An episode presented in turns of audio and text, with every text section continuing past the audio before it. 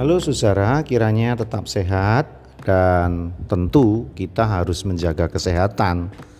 Dan salah satu caranya adalah terus pakai masker. Ya saudara, kalau kita memperhatikan kisah-kisah di dalam Alkitab, cerita-cerita di dalam Alkitab dari kejadian sampai wahyu, salah satu yang sering kali ditanyakan, sering kali yang dipikirkan dan menjadi pertanyaan dari jemaat adalah kok kenapa ya Tuhan kadang-kadang murka, kadang-kadang mengampuni, kadang-kadang keras, eh, mengguntur, menggelegar, eh, me menunggang balikkan. Wah itu kan keras banget ya.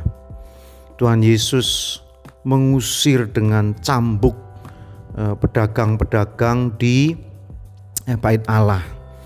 Tapi Tuhan Yesus begitu penuh kasih, lemah lembut, misalkan kepada Sakius yang jelas-jelas pengkhianat uh, mendukung bangsa Romawi dengan menjadi pemungut cukai.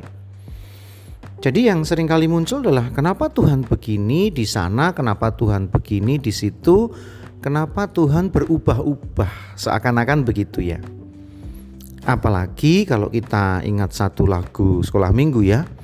Tuhan Yesus tidak berubah, tidak berubah, tidak berubah. Apanya sih sebetulnya yang tidak berubah? Tapi pada kenyataannya kok berubah? Sekali lagi, kadang begini, kadang begitu. Perubahan itu bukan karena Tuhan pelin-pelan. Ini sangat penting Sekali lagi, bukan karena Tuhan pelin-pelan. Ini sudah clear. Tapi perubahan-perubahan itu pasti ada konteksnya, ada maksudnya, ada alasan dibalik mengapa Tuhan begitu keras pada bagian ini, Tuhan begitu lunak di satu kejadian tertentu, Tuhan diam, Tuhan cepat bergerak, Tuhan di depan, Tuhan di samping, Tuhan di belakang, dan seterusnya. Sekali lagi, karena pasti ada alasan untuk itu semua. Dan satu hal yang penting adalah Tuhan kita adalah Tuhan yang hidup. Dia bukan seperti robot yang melakukan sesuatu dengan monoton atau merespon sesuatu seperti yang sudah diprogramkan. Tidak. Tuhan memahami konteks, situasi, kondisi yang dihadapi, umat yang seperti apa, dalam keadaan apa, apa yang dibutuhkan, apa yang diinginkan, apa yang diharapkan, Tuhan mengerti itu semua. Nah, sehingga Tuhan melakukan penyesuaian-penyesuaian itu. Tuhan sangat mengerti apa yang dibutuhkan umatnya. Tuhan sangat memahami apa yang harus dia lakukan sehingga umat ini memperoleh sesuatu, mendapatkan sesuatu, menghasilkan sesuatu. Begitulah kira-kira. Saudara perhatikan ayat ini. 1 Samuel 15 ayat 20 sampai 23. Lalu kata Saul kepada Samuel, Aku memang mendengarkan suara Tuhan dan mengikuti jalan yang telah disuruh Tuhan kepadaku dan aku membawa Agak, raja orang Amalek. Tetapi orang Amalek itu sendiri telah kutumpas. Tetapi rakyat mengambil dari jarahan itu kambing domba dan lembu-lembu yang terbaik dari yang dikhususkan untuk ditumpas itu, untuk mempersembahkan korban kepada Tuhan Allahmu di Gilgal. Tetapi jawab Samuel, apakah Tuhan itu berkenan kepada korban bakaran dan korban sembelihan, sama seperti kepada mendengarkan suara Tuhan.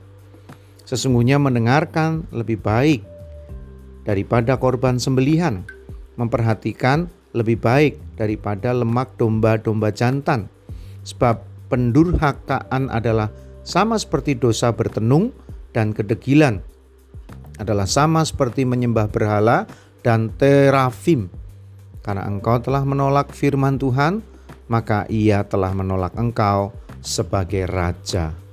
Perhatikan betapa keras teguran Tuhan kepada Saul lewat Samuel. Seakan-akan Tuhan gak ada ampun sama sekali.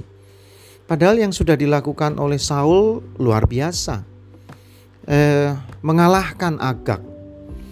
Agak diperintahkan hidup dan diperhadapkan pada Tuhan. Itu dilakukan. Bangsa Agak ditumpas, dikalahkan. Itu dilakukan. Dan perhatikan ayat tadi bahwa jarahan yang diambil oleh orang-orang Israel itu bukan untuk dinikmati sendiri, tapi dipersembahkan kepada Tuhan.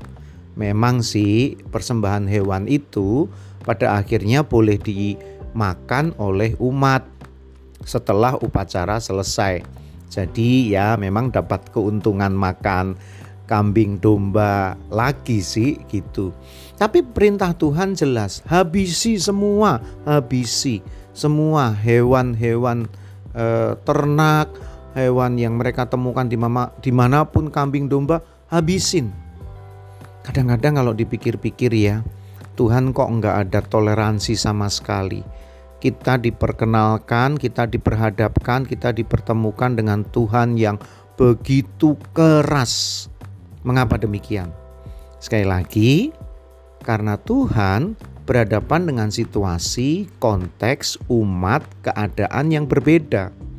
Pada saat itu, Tuhan sedang menguji Saul sebagai raja yang pertama. Kalau raja yang pertama saja sudah tidak taat dengan apa yang Tuhan perintahkan, bagaimana dengan pengganti-pengganti setelahnya? Ingat, Tuhan memang uh, berubah.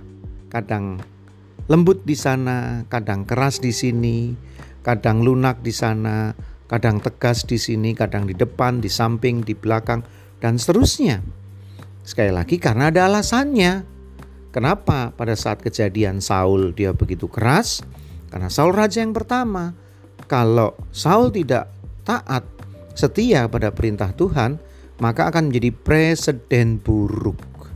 Nah, untuk itu Tuhan harus bertindak sangat tegas, sangat keras kepada Saul dan bangsa Israel.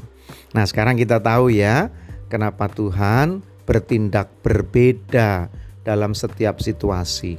Dia nggak berubah dalam arti kata plin-plan, sekali lagi bukan.